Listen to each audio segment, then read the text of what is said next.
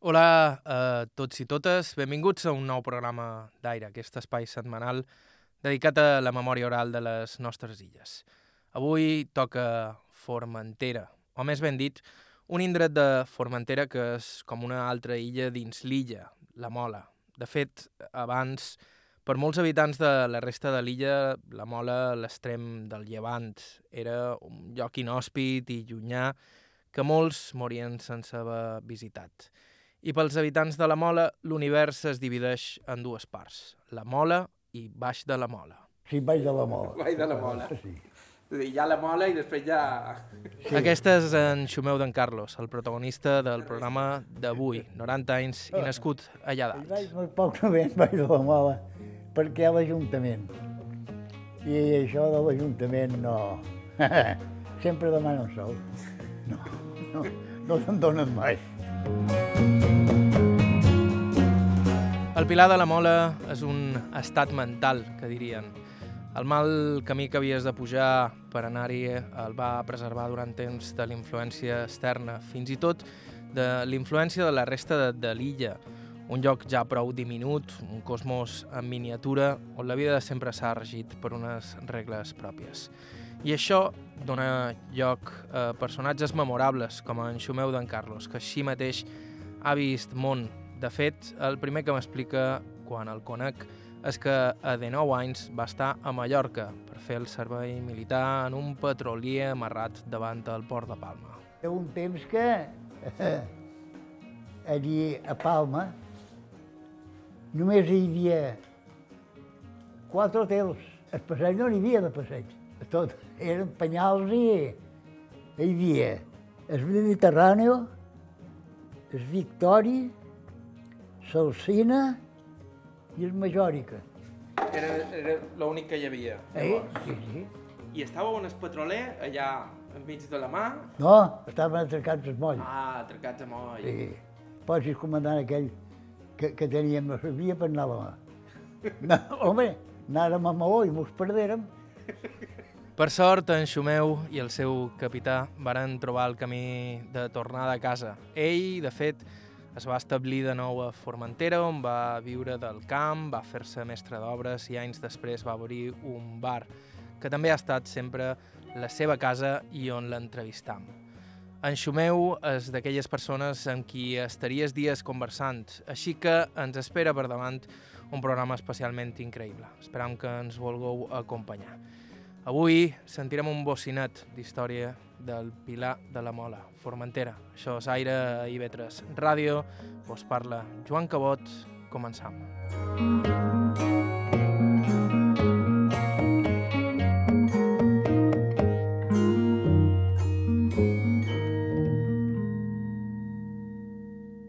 I com han dit, ho feim al porxo de Can Xumeu d'en Carlos, just darrere del que va ser el seu bar, avui reobert com a restaurant. Aquest és en Xumeu presentant-se ell mateix. Jo em diuen Bartomeu Tures Candell, vaig néixer a Formentera el dia 15 de novembre del 28, I els vostres pares, en a què se dedicaven? en, en el camp com jo. Jo em vaig dir, jo som tot terreno, perquè m'hi m'hi he dedicat a tot. I he fet de tot. I no he tingut un puto duro mai.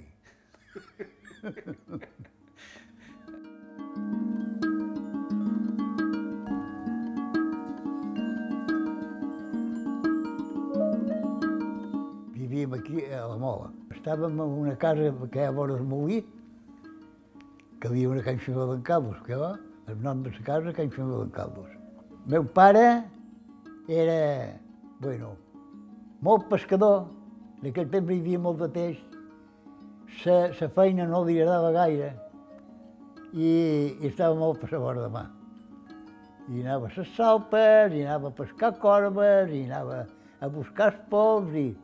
però en la terra no, no era el seu.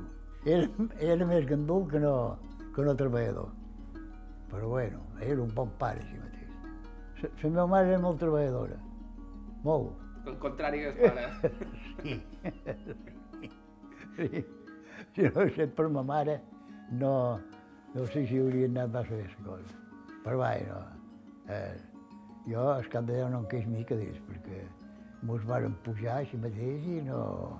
Passàrem gana perquè en aquell temps em passava tothom. No hi havia sous. I a no haver-hi sous no hi havia menjar. Semblaven blat, blat, ordi, cibada i alguns llegums i era el que, el que menjàvem de, de cosa de, del camp. I, I els anys que hi havia que, que no podia això, m'ho passava molt puta. Perquè aquí no hi ha hagut, aigua no n'hi ha hagut mai, més que al cel. I, i si faltava aigua al cel, faltava tot. I com ho fèieu? Doncs pues mira, no m'ho passava molt bé, no? Jo havia passat gana. El blat era per, per fer moldre i per fer pa, el blat. I sordi era per, per pensar un porc, cada any fèiem una matança, pensàvem un porc, en, en sordi, fèiem moldre i, i fèiem, fèiem una bona matança i, i menjàvem molt de, de pa i de pa i sobrassada i pa i botifarra i, i molt de, figues i el que hi havia.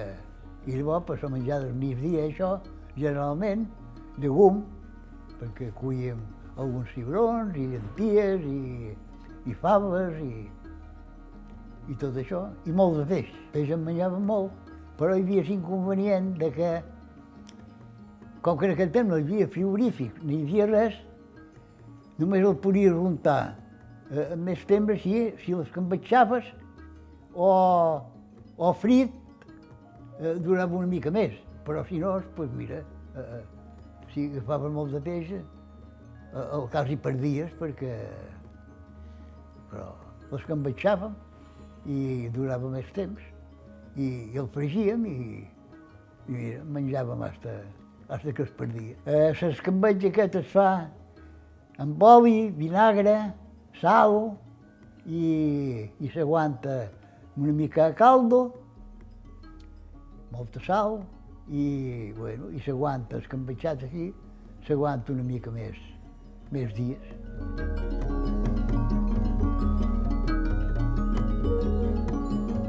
Aquella, com podeu escoltar, era una vida austera, on la fam no era una cosa estranya.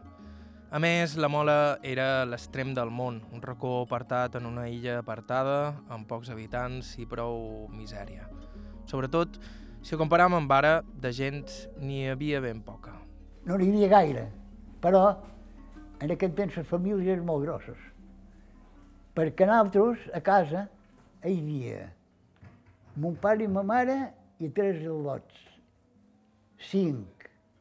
Llavors hi havia dos pies. Cinc. I dos set. Dos pies. Llavors hi havia la güela. Vuit. I un germà d'esguelo. Érem nou. I per fer menjar per nou, si mateix necessita... I clar, i en, sus, i en, en la mirada que hi havia, nou, pues, eh, era mal de, mal de mantenir una família de nou. Jo i meu pare i els altres dos vivíem talment una casa que vora el molí, que ara està reformada. I els altres quatre vivíem en una casa que ja està, ja està en terra, ja està caiguda, molt bé, separats. I havia viscut allà quan hasta que vaig fer servici. Llavors vaig fer servici i llavors aviat ja vaig començar a treballar més per jo i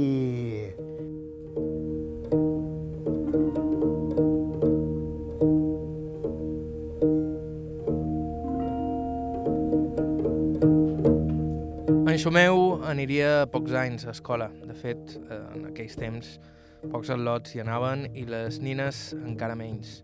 Per exemple, ell el van posar a guardar ovelles i per poder anar a classe havia d'aprofitar quan hi tenia el ramat a prop. vaig anar a l'escola a guardar ovelles. No, vaig passar puta. No, no, no hi vareu anar a escola?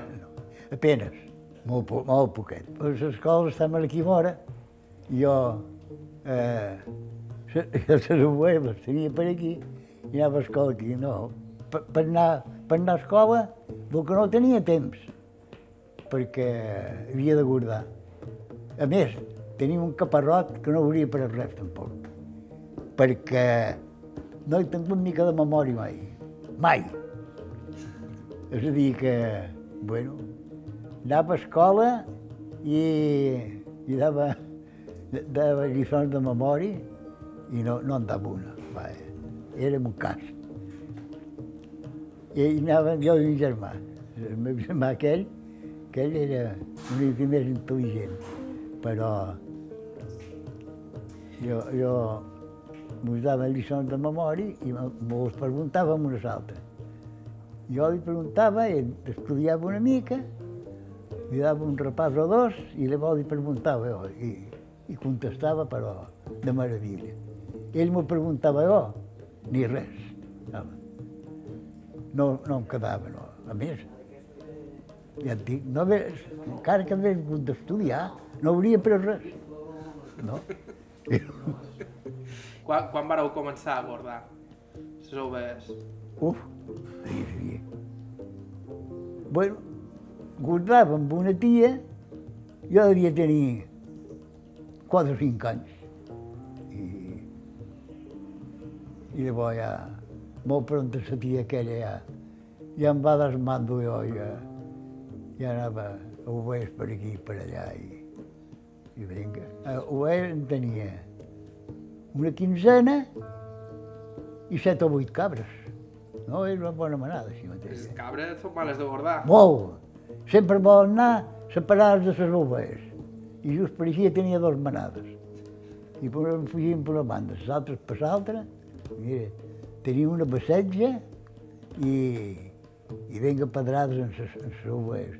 Em havia de cuidar del molí, perquè el molí estava talment dins la propietat i, clar, si movia, havia de parar que les ovelles no hi anessin, perquè com que eh, l'hornera mort, en les antenes, mort les ovelles. A més, hauria fet mal a les ovelles i, i, i hauria pogut fer mal a una antena que, hombre, allò també és perill de que... I no, un dia de jo sempre estava al molí i guardava per, per vora el molí, estava, sempre estava en molina jo. I allí em anava molt bé perquè el molí estava a un, a un puigset que estava cap a, com un puig petit i d'allí veia per tot el redador de la finca. Ja veia les ovelles cap on anàvem, jo de, de quan, quan havia d'anar a guardar-les i cuidar-les. En el temps que hi havia anyells i això, en matàvem algun per, per menjar. Perquè de vegades, de vegades també hi havia ocasions que no deixaven portar bestiar a Eivissa. I eh, no tenies menjar per llavors si si hi havia una quinzena de bovelles i set o vuit cabres. Llavors que hi havia 15 o 20 bacius, ells menjaven molt. I com que teníem un parell de vaques, també, i les vaques mengen molt, pues, no, no es podia mantenir tot. I menjàvem algun. I una vegada ens varen dur Eivissa també, que no podíem, però li duguérem, amb un deut de contrabando. Sí, sí bueno, el contrabando ha set sempre... I és aquí quan en Xumeu en compta una anècdota bastant memorable. Li deman pel contraban a la zona, que ell em confirma que era una pràctica bastant habitual, però després em conta una història realment delirant, sobretot quan la sents per boca d'un home de 90 anys. De contrabando, sí, ja n'hi havia. En aquest temps no hi havia tabac, però. Per aquí dalt això no, no, es- només es, es, el tabac, eh, el contrabando aquí a la mola, quasi més feia de tabac, perquè l'altre ja havíem de passar, sí, no, no era, crec que no era rentable, perquè si no es- també s'hi hagués dedicat, perquè sempre ha hagut bons contrabandistes, però no com a Mallorca, però eh, n'hi ha hagut per tot. Vos vareu traginar alguna vegada o vareu fer... No, No. no, jo no, no havia traginat. Jo havia sembrat marihuana, Sí? sí. sí. I això quan ho vareu fer? Això, havia, tenia una vinya, per cert feia molt de rei, molt, molt, de, molt de vi. I, i a vegades per aquí hi havia un que deien en Cabriolet, havia estat molt famós. I aquell li agradava molt la marihuana. I una vegada vaig anar per baix de la mola i vaig recollir una mica de llavor de marihuana. I vaig pensar, quan, cabriolet aquell em deia, lo fàcil que era, i vaig pensar, quan ara jo tinc de provar-ho. Era molt, molt venuda la marihuana en aquell temps. Em vaig sembrar per dins la vinya. Vaig sembrar, quizà unes cinquantena de plantes. Una aquí, l'altra allà. I... Però resulta que es va fer el temps de cuir rei i encara tenia les plantes sembrades. I vaig pensar, ah, no, i ara, aquí, si la gent ve per aquí, cuir rei. Jo, els trastos aquests per aquí, això el tinc de liquidar-ho. Vaig agafar ho vaig poder provar, ja era, ja era quasi madura, perquè n'hi havia que tenia llavor. Ho vaig agafar, ho vaig posar dins sacs de, que portava ciment. Hi havia rampots i em feia de sacs buits per llavors posar-hi els rampots. I vaig portar molts de sacs buits i hi anava portant, hi anava posant les plantes de marihuana. Hi anava posant les plantes de marihuana i les anava secant allí dins. I llavors, quan ho tenia una mica sec, ho penjava, perquè tenia una casa que hi tenia paia, i ho tenia pellins una mica camuflat, perquè, hombre, no, no es podia tenir de qualsevol manera. I llavors, mira, vaig agafar i vaig dir en Gabriel, mira, ja tinc la marihuana, que es pot dir que està seca, ja me'n vull desfer. No vaig de punyetes, que... I se va acabar de quedar tot ell i ja va, va acabar la festa. Això quins anys era que ho vareu fer? Ai. Home, llavors això mateix, ui, ja tenia, ja tenia el bar. Ja això devia ser cap als 70, 74 o 5, o per aquí, per aquí. Com hem dit, una història delirant i memorable, un geni en Xumeu. Que, per cert, aquest Gabrielet de qui parla és Antoni Tur Costa, germà del pintor Rafael Tur, mort el 1998, i un dels hippies més llegendaris i coneguts de l'illa. I de hippies, cantades i sobretot dones, ens sentirem a parlar d'aquí una estona. Nosaltres feim una petita pausa, d'aquí uns segons continuem en Xumeu d'en Carlos, el nostre protagonista d'avui aquí a Aire. Tornem en uns segons. Hola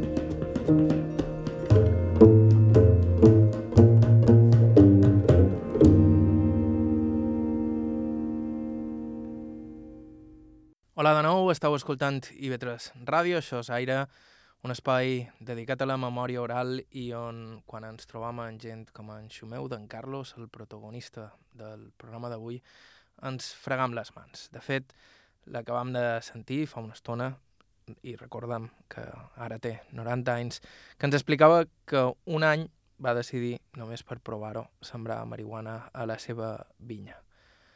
Als 90 anys, en Xumeu d'en Carlos les ha vistes de tot color i, com deia ell al principi del programa, ha fet feines de tota mena. Entre elles, la d'anar a treure sal, un treball habitual entre els homes de Formentera, de fet, l'única indústria present a l'illa durant moltíssims anys. Ell, quan hi anava, en tenia poc més de 20. 22 i 3 anys. I vaig anar jo dos o tres vegades, dos o tres anys. Era una feina dura, m'han dit. Sí, sí, però m'agradava allò. Sí? Sí, em, em anava molt bé. Eh, Guanyava un quilo o dos cada vegada. I, i treballàvem allí un mes i mig o dos. Uns, hi havia uns que acabaven, acabaven la sal. I els altres jo treia sempre dalt el cap. Anava més bé treure que no acabar. I, i em carregava unes, portava unes tanetes que devien fer 35 quilos, més o menys. Jo portava un capell, molt ben encerat, perquè llavors no hi havia plàstic ni, ni res d'això. El, ben encridanàvem, hi havia encridar, i dàvem dos o tres mesos d'encridar, i llavors una altra, una altra bufia de roba per dalt, i una altra encridanada, i, bueno, a fi de que, de que fos impermeable, que allò que sempre rajaven, les senalles aquelles, com tu treia allò, de dins l'aigua, tu posaves el cap i allò sempre tenia tendència a, a regalnar alguna mica. I si me deies que l'aigua aquella no et anaves per la cara talment i, i anaven a la. I de vegades tiraves de més prop de, d'allí on havies de, de posar-se a senalla i de vegades de més enrere, segons com queia. I doncs, si mateix, de vegades havies de caminar eh, una quarantena de passes, 35 o 40, amb la senalla d'alt escap i, i llavors pujar per dalt -se. El primer si només tiraves a dalt la plaça, eh, només havies de pujar un bocinet així. Però llavors, quan feies una carregada, ja pujaves més amunt amb una planxa i pujaves eh, aquell metro o això de, per anar a la plaça, i llavors la carregada que allò sempre tenia 8 o 10 paus, no, no, estàvem fort per tot.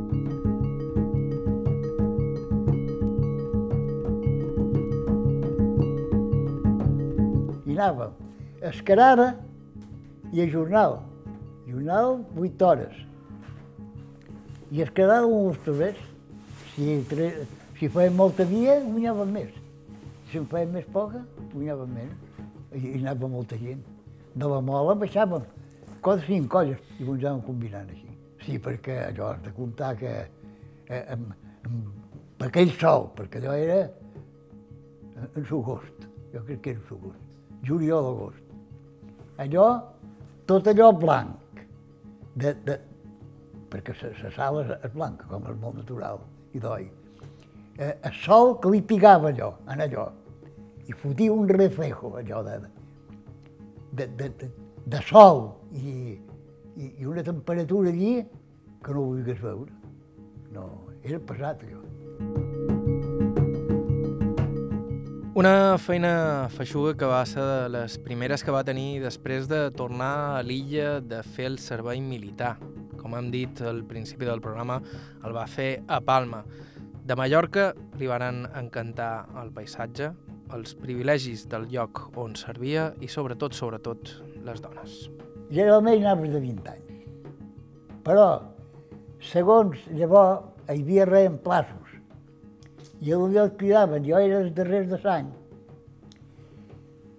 I van cridar, es, va sortir els més, els primers que anaren van ser,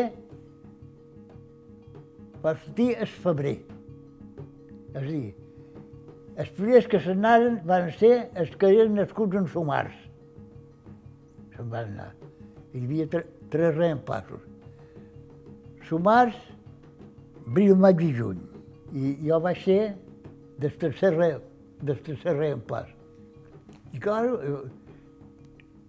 i encara, jo com, com, com complia eh, en el novembre, només me vaig anar que només tenia 19 anys. Entens? I vareu servir dos anys Dos anys a Mallorca. a Mallorca. Sí. Vaig estar amb, un- vaig estar amb un patruller, quasi tot el temps, i amb un capellà. Amb un capellà que es deia Don Toribio Rosselló. Era de, de Porreres. Molt bona persona. I vos va agradar Mallorca. Molt, molt. Ell vivia a Garai. Ell viu en llocs, va, hi havia un lloc, un, un lloc molt cèntric que era Can Xamalí, i, i per allà al redor de Can Xamalí hi havia moltes dones. Jo el patruller, aquell, érem, havíem de ser 11 i teníem la secció d'espa d'11 persones i només hi havia jo, el comandant i el jefe de màquines. Els altres mallorquins ja estaven en permís.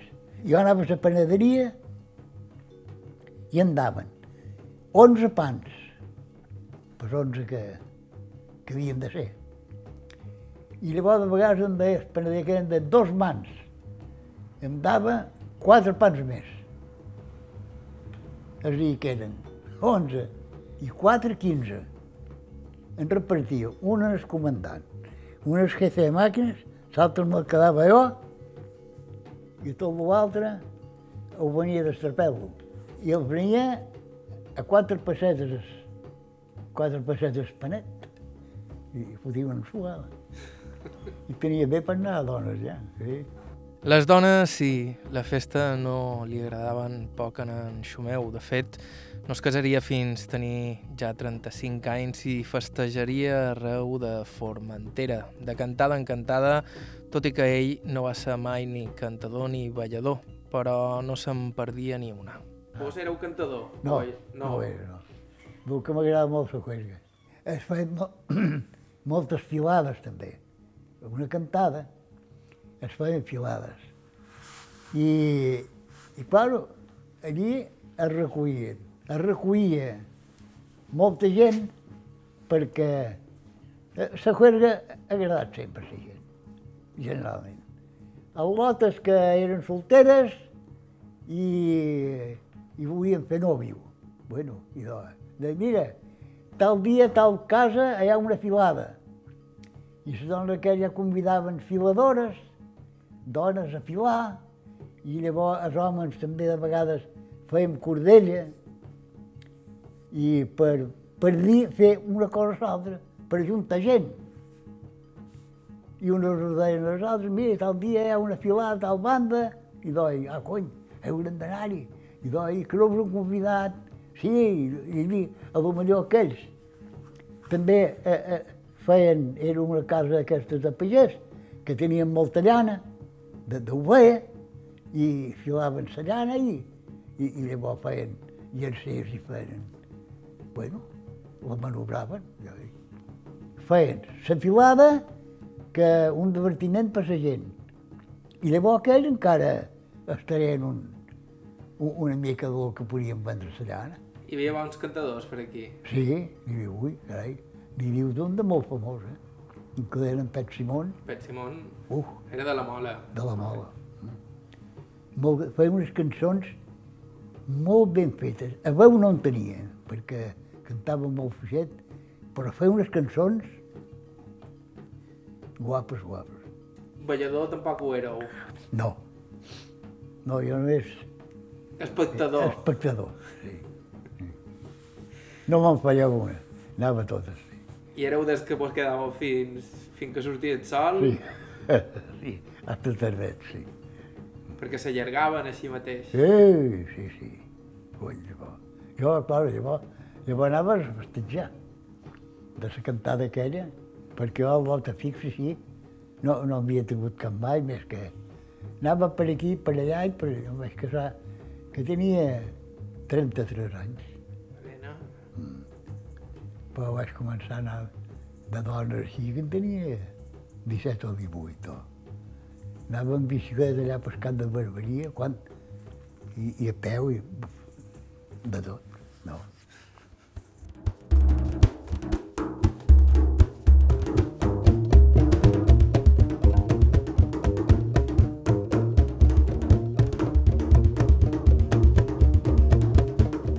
Allò era molts anys abans de l'arribada dels primers estrangers per l'illa. De fet, la Mola Formentera va ser sobretot refugi dels primers hippies americans, molts d'ells més que hippies joves que fugien de la guerra del Vietnam i que varen trobar en aquell raconet de món un refugi tranquil on passar desapercebuts durant una temporada.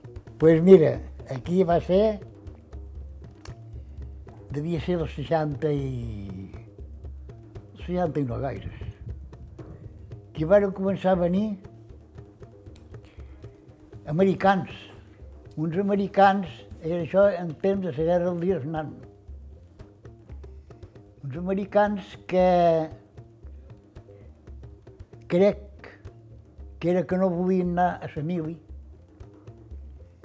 i es venia a refugiar per aquí. Tots, tots els americans aquells, eren jovens i eren de bones famílies.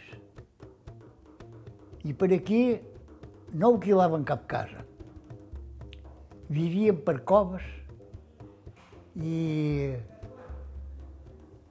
per boscos, que algun també, però hi havia unes coves aquí que havia arribat a anar a les vores Espanyes i davant la cova hi havia una plaça i potser hi havia 25 o 30 d'aquests que estaven allí llegint, tots estaven amb un, amb un llibre o revista o això, llegint, llavors pujaven, venien per aquí, jo encara no tenia el bar obert, i anaven allí per un, per un bar que hi havia, es tenia estany també. I els primers americans, els primers turistes que van ser, va ser aquells. I llavors s'hi van ajuntar molts de hippies, gent d'aquesta de mal viure, alguns, alguns, alguns, alguns catalans que anaven darrere ells i aquells, com que de que se'ls enviaven sous, els hi, els hi pagaven algun bocadillo i els hi, i, i llavors allò, perquè aquells els eren hippies, en aquells, però eren hippies que tenien sous, aquells, els americans. I llavors, després d'aquells, ja van començar a venir gent de més, de més baixa categoria i, i llavors ja, ja van començar a venir alemans, que volia que vengueren. I hippies n'hi havia...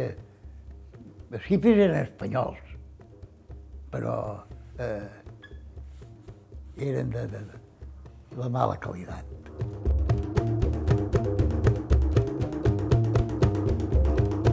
I passarien encara més anys abans que en Xumeu obrís el bar on ens trobam fent-li aquesta entrevista.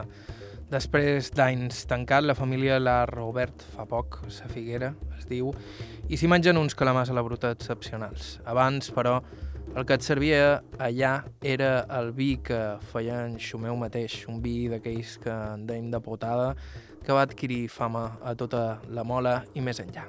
Jo vaig obrir el 71, el, el 72, 72 per mi. Jo, quan obrir, quan jo el vaig obrir, vaig ser el darrer que vaig obrir, perquè ja n'hi havia, n'hi havia tres o quatre d'oberts, quan jo vaig obrir aquest. Però, clar, jo el vaig obrir, així mateix ja, un quart bany ben acabat, i, i tot. Allí hi havia un, un bar que, que tenia un, un vàter allí enmig d'un camp, allí, una caseta, allò, ni aigua corrent ni res de res. Jo quizà, bueno, jo a Can Petxi meu ja quizà, quizà hi havia aigua corrent, però eh, a altres parts no hi havia aigua corrent enlloc. No. I, I vos agradava tenir el bar? Sí, sí, perquè eh, venia, bueno, molta gent coneguda i xerrava molt amb aquest i amb aquell i llavors també, també vaig fer una vinya que era la més grossa de Formentera, que era per jo havia sembrat la marihuana. I, i jo aquí era, bueno, una vegada em vaig fer, un any em vaig fer 5.000 litres de vi. I era bo? Molt, tenia fama, sempre jo. El que hi havia bandes que feien molt dolent pel que el punyaven verd, perquè els cucs se'ls hi menjava i, i deien, els cucs ja se'l mengen i allà que, que fes vi. I, deia, I si no es fa en sobreny ben madur, no, no, és mal vi. Mira, una vinya porta molta de feina, molta, podar-la. Llavors acabar-la. I, I va anar bé les d'acabar més d'una vegada, perquè llavors eh, la llaures i tot no sortia herba. I aquella herba, si es pot, no has de deixar secar, perquè llavors eh, dona una sucada a la terra que fa por. I, do, I tot allò el resta a la vinya, a la parra. Jo el, el vi que tenia era de rei Monestrell. I el rei Monestrell fa més bon vi que la granatxa. La granatxa no es pot deixar madurar tant perquè té la pell més prima i es perd més, és més perdedís. I el monestrell es pot deixar, bueno, té una pell molt gorda i es pot deixar més, més temps, a madurar més temps. Per això és que agafa més grau. I, perquè una vegada, una vegada aquí va venir un enginyer agrònom i va venir, no feia esmorzar nosaltres mai. I aquell era molt simpàtic i, i, i va, va esmorzar, diu, si ara vi que se vol fet a casa o... Ah, que em fa? Dic, sí. El va provar, bueno, el va trobar molt bo. Era alicantí. I diu que podria veure allí on fa rei, allí on fas vi. Dic, sí. Aquí, era un Sant Juliol. Fotia una calorada aquí dins. Tenia aquí botes, tot ple de botes. Diu, i aquí tens vi? Dic, sí. Diu, i no se li torna? Dic, no, no se ha tornat mai. Carai! Diu, i en hivern també, i, i, igual en hivern. I és que aquí, aquí sempre, tant en hivern com en l'estiu. Fotia aquí una calorada. Diu, a quin grau té? Dic, no ho sé. Ni, ni idea. Diu, ah, ho, ho heu de saber. Jo, jo, es va posar a jo us enviaré un termòmetre per mirar el, el grau de rei. Bueno, I va ser, me'l va enviar. Bueno, i de, es va quedar espantat aquí, a on el tenia, i que no es tornés agre. I era per mort del grau que tenia. Diu, no pot venir més que d'això, que té molt de grau i no es torna agre. Diu, perquè si no és, amb aquesta temperatura que, que hi ha ara, i en Sibergi mateix deu estar eh, eh, a molts pocs graus, diu, només hi ha, no, diu, no, no hi ha miracles, diu, si no és per grau, no pot ser per altra cosa. I vam quedar aquella. I, clar, estava... Poreta devia fer aquell vi. Era en Xumeu d'en Carlos des de la Mola Formentera. Amb ell seguim després de la pausa.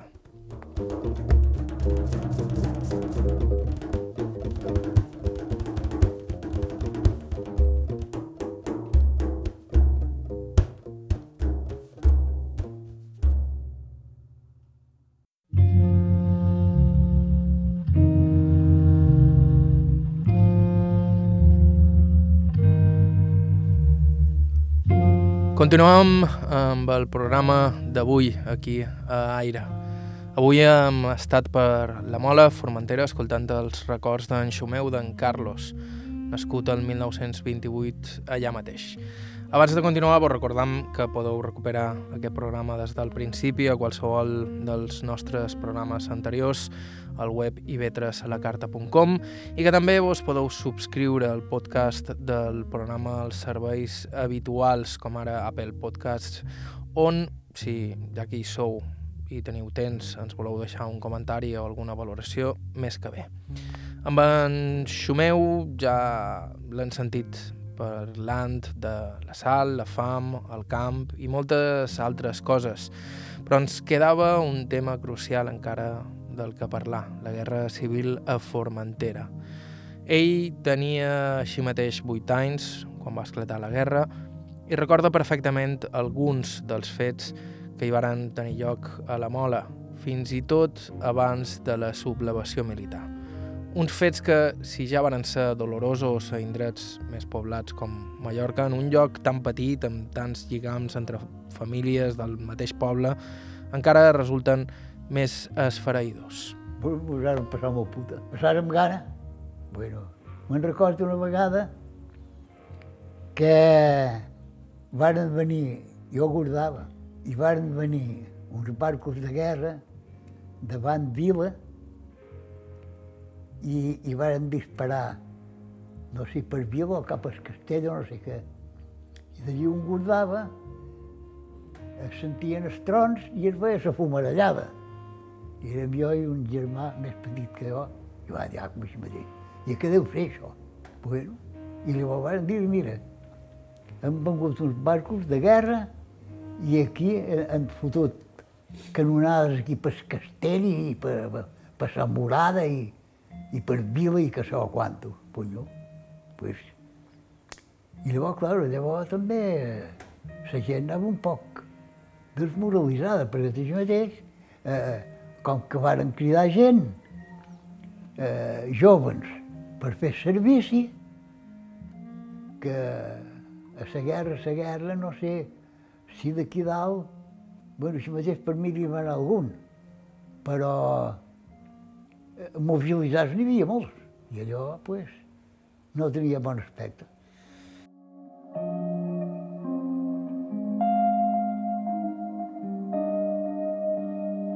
Aquí varen venir els d'esquerres. Van venir d'esquerres i mataren el capellà i un de per baix de la mola, que no era capellà. De- després de la mort del capellà, van anar a l'església, tots els sants.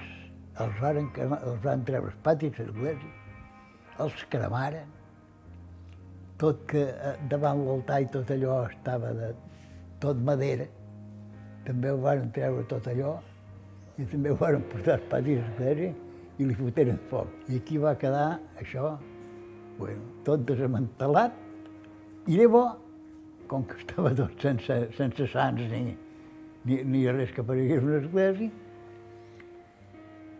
ells varen fer una cantada i ball pagès i nosaltres me'n record que veníem jo i mon pare i ma mare i, i els altres dos al·lots. De cap al bosc, perquè mon pare no anava de, d'assumptes d'aquestos. I més aviat ells s'anava cap al bosc, que no, que no estava molt per aquí, perquè llavors per aquí. Hi anava un i deia que havia de, de ser dels seus. I, i anava l'altre i també volia que fos dels altres. I, i estava per aquí tot el poc possible, passava hora mai pel bosc. I veníem, i era un sol post. I passàvem per mig dels terç, i just per vora el i vam sentir un son de tambor i castanyoles. Oh, carai, però merda, i a l'església. Allí allò retronava, i encara sentia molt més fort. Bueno, i res, ja ho varen dir, que hi havia una gran festa i allí gent a ballar i gent a cantar i per allí. I allò, clar, allò, eh, els de dretes no els anava bé, perquè era, eh, molts, que eren molt beatos, que, que era profanar l'església. Llavors va canviar l'assumpte. Pues van donar entre els altres i aquells que van, havien anat a ballar per allí tot això, van agafar barco i se'n anaren. Uns se'n anaren per les Sabines, altres per aquí hi va haver un lleutet que se'n anaren set cap al G, eh, que era una travessia un poc, un poc delicada. Però, clar, com que havien anat a, a, a, a, a, a, cremar sants i, i tot el negoci aquest, varen pensar, escolta, aquí no, no estan bé perquè hi havia hagut molta gent que els havia vist. I mira, i se'n van escapar diversos. I aquí llavors en mataren tres. Crec que devien ser dels més culpables. Un tio meu no, aquell meu, aquell... Bueno, així mateix, era d'esquerres i devia haver anat també a fer malindros d'aquestos, segurament. El mataren. Dos vells mataren.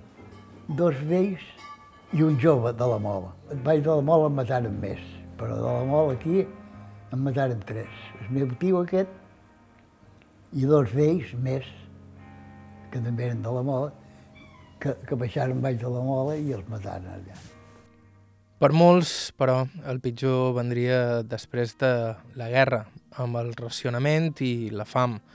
En aquells temps la gent fins i tot tenia prohibit fer servir els molins per moldre i per tant no es podien fer ni el seu propi pa.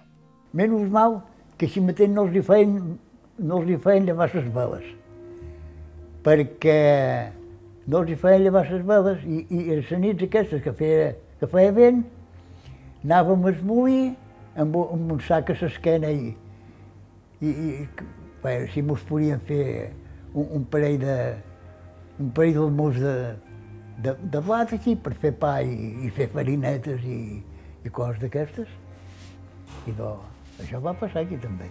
Perquè llavors hi havia, hi havia revisions, que per cert ara veuràs. Varen anar a un molí, nosaltres teníem la finca aquí enmig, anaven a un molí i llavors van anar a l'altre. I, I varen veure, també tenia el blat, el blat declarat i el bestiar declarat. Varen anar d'un molí a l'altre i entre, entre hi havia la manada del bestiar i varen comptar el bestiar. Vengueren a casa i van demanar la fulla del bestiar. Bueno, a cony, va coincidir que estava, que estava bé. Ara la fulla del blat. La fulla del blat no va coincidir a prou bé. Em van trobar uns 100 quilos més d'escompte que havien d'haver menjat més, que no n'hi havia més que no tocava. I, i mos varen fotre dos mil, pessetes, dos mil pessetes de multa. Que dos mil pessetes en aquell temps eren molts de sous. No en teníem ni sonoritat. Va fer un escrit. el cabron. Hi havia un mirall penjat i vaig del mirall va posar delegado de la quarta zona. Bueno, i que havien de pagar dos mil pessetes. I no van tenir més remei que pagar-les. Els van emprar per aquí, per allà, molts deixaren i van pagar la multa. I mira si eren sous en aquell temps que una vaca valia 20 duros i una, i una ovella bona o una cabra, un duro. Ala. Mira si en la munta aquella si me'n foteren de vaques. En definitiva, que la guerra va marcar l'arribada d'uns anys molt durs per Formentera, en què moltes famílies passaren sobretot privacions i molta fam. Després de la guerra, en la guerra, perquè també va resultar que van ser uns anys molt dolents van arreglar.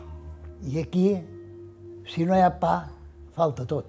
I la veritat, no, no m'ho va passar més. Jo havia menjat garrobes i eren bones, i era perquè no tenia altres. I així mateix jo penso que una mare o un pare, quan a la nit tenen els infants que se n'han d'anar a jeure i veuen que, que mengen la meitat del que menjarien, té de ser trist. I això compte que passaven els pares perquè, perquè era així. Eh, mira, això és això, i hem de guardar això per demà matí, perquè si no és demà matí no tindrem res.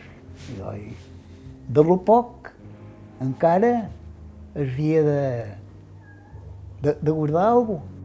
I pot semblar increïble que parlem de la mateixa Formentera, però tot això passava fa no tants anys.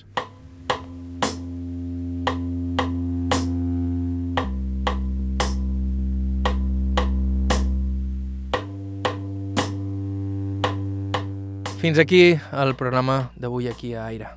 Moltíssimes gràcies a Bartomeu Tur Escandell, a en Xumeu d'en Carlos, pel seu temps i la seva amabilitat i sobretot milions de gràcies a Manolo Olla i a la Casa del Poble del Pilar de la Mola per facilitar-nos la feina d'una manera increïble els nostres dies per Formentera. Tornem la setmana que ve amb un nou programa d'aire. Ja sabeu que si ens voleu proposar alguna entrevista ho podeu fer enviant-nos un correu a aire.ivetresradio.com i que també ens podeu seguir a Facebook i Instagram o vos podeu subscriure al podcast del programa a iTunes i de més serveis similars. L'arxiu complet del programa el trobareu a ivetresalacarta.com. Bàrbara Ferrer la producció executiva, Iker Hernández la producció tècnica, vos parla, Joan Cabot. Fins la setmana que ve.